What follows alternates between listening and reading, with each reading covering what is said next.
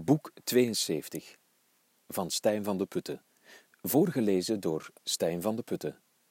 De wind aaide het strand. De golven streelden de rotsformatie. Een sliert zeewier baadde in de schuimkoppen die zich lieten meedrijven naar het land.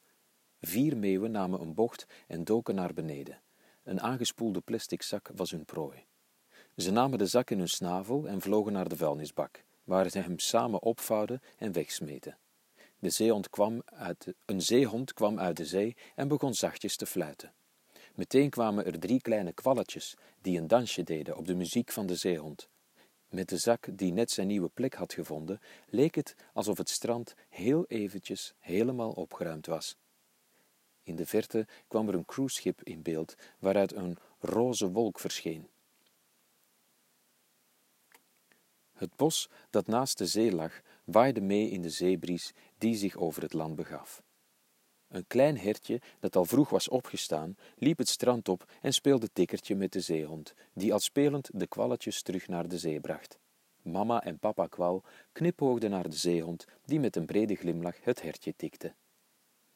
Het cruiseschip was ondertussen aangekomen in de zeehaven.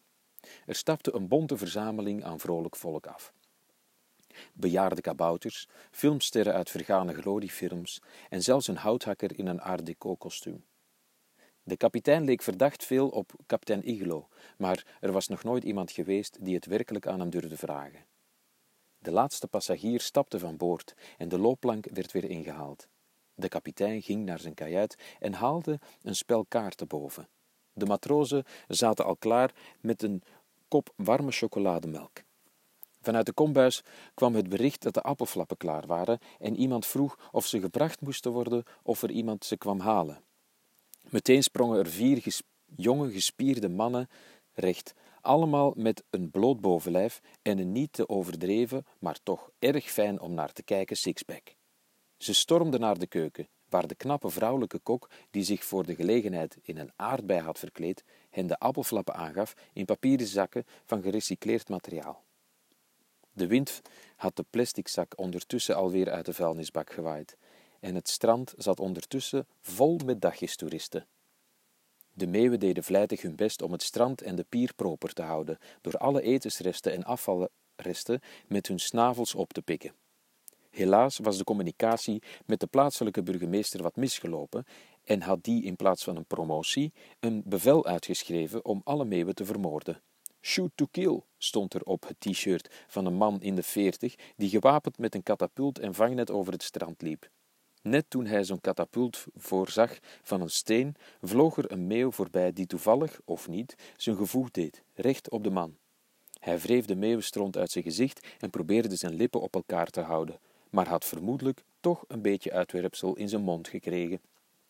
Hij begon te kokhalzen en de meeuwen verzamelden zich vlak boven de man. De kots liet niet lang op zich wachten en vond snel een weg naar het strand. De meeuwen namen het zekere voor het onzekere en doken er samen op af en ruimden alles netjes op. Inclusief de katapult, die de man per ongeluk tijdens het kotsen had laten vallen. Opgeruimd staat netjes, dacht Krwa! de stoerste, maar tevens liefste meeuw van de bende. In het bos was het hertje ondertussen in slaap gevallen onder een boom. Het had zich verstopt voor de zeehond, die hem nog steeds aan het zoeken was, maar ook nood had aan een break. Tijdens die break had de zeehond er niets beter op gevonden dan zich neer te vlijen op een bedje van mos, waardoor ook die in slaap was gevallen. De zeehond droomde van de ozonlaag en het gat daarin. Was dat nu echt zo groot als hij had horen vertellen door meneer Walvis? En hoe dik was die ozonlaag zelf eigenlijk? De droom van de zeehond had meer iets weg van een lezing met een PowerPoint-presentatie van Al Gore dan een Disney-film met bijpassende liedjes. De zeehond liet zich niet doen en droomde rustig verder. Het hertje droomde op haar beurt van een grote paddenstoel vol vliegjes. Daarbij zat een slakje dat voor de eerste keer uit haar huisje was gekomen om eens voor haar eigen deur te vegen. Het begon te regenen in de droom van de zeehond en ook in de droom van het hertje. Ze sliepen rustig verder. In het cruiseschip was het kaartspel ondertussen omgeruild voor Yatzee. De dobbelstenen rolden hun weg over de tafel en de matrozen zaten ondertussen bij elkaar op schoot. De stemming aan boord was uitermate jovel, waardoor niemand in de gaten had dat de kapitein zijn schip stilletjes terug in de zee had geloodst. De haven had zich ondertussen gevuld met de passagiers van het schip, die er niets van begrepen. Waar was het heen en waarom geen berichtgeving? Niemand was erover te spreken.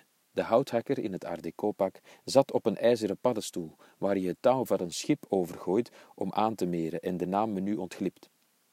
Hij spuugde op zijn bijl en wreef het over een stuk leer.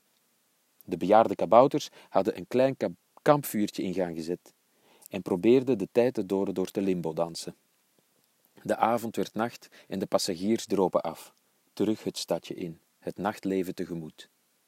Het hertje en de zeehond waren ondertussen al terug gaan slapen, maar waren wel nog heel even wakker geweest na hun dutje, en in die tijd voor ze gingen slapen hadden ze samen met de drie dansende kwalletjes een musical opgevoerd voor mama en papa kwal. Ze vonden het niet zo'n goede musical. En vooral de zangkwaliteit van hun eigen kinderen was erg teleurstellend. Maar om de sfeer erin te houden en de kinderhartjes niet te breken, hadden ze een luid applaus gegeven, voor zover een kwal kan applaudisseren. Ze hadden begrepen van meneer Walvis dat ouders hun kinderen vaak voorliegen, en dat dat de gewoonte was, zeker bij mensen. Sinterklaas, Jezus, de paashaas, alles komt goed, doe je best op school, allemaal leugentjes om bestwil. Papa Kwal had zich al vaak afgevraagd wie bestwil dan wel zou zijn. Tot mama Kwal hem uitlegde dat dat geen persoon was, maar een manier van spreken. Papa Kwal schaamde zich, maar dat kon mama Kwal niet ontwaren uit zijn verschijning. Gelukkig maar, want het gevoel alleen al was al erg genoeg. Aangezien er een markt is voor vervolgverhalen, is dit het einde van boek 72. Mocht u als lezerette, lezer, luisterette of luisteraar interesse hebben in het vervolg, hoor ik het graag. Als u bekend bent met mijn eerder werk, weet u dat ik niet veel aandacht besteed aan spelling waarmee ik niet wil beweren dat spelling niet nuttig is. Maar goed, toch even stipuleren dat ik als opschrijver daar dus geen tijd in steek. Zelfs als ik mijn werk inlees, struikel ik over mijn eigen schrijfwerk, waardoor ik zelf soms een zin opnieuw moet inspreken. Maar ja, zo gaat dat nu eenmaal. Ik kijk uit naar uw reactie. Mocht u geneigd zijn om erg negatief te reageren, schrijf dan misschien eerst zelf een boek en lees het daarna in. Dan staan we alvast op gelijke voet. Of hoe zeg je zoiets? Gegroeten van je beginnend auteur Stijn van de Putten. Dag!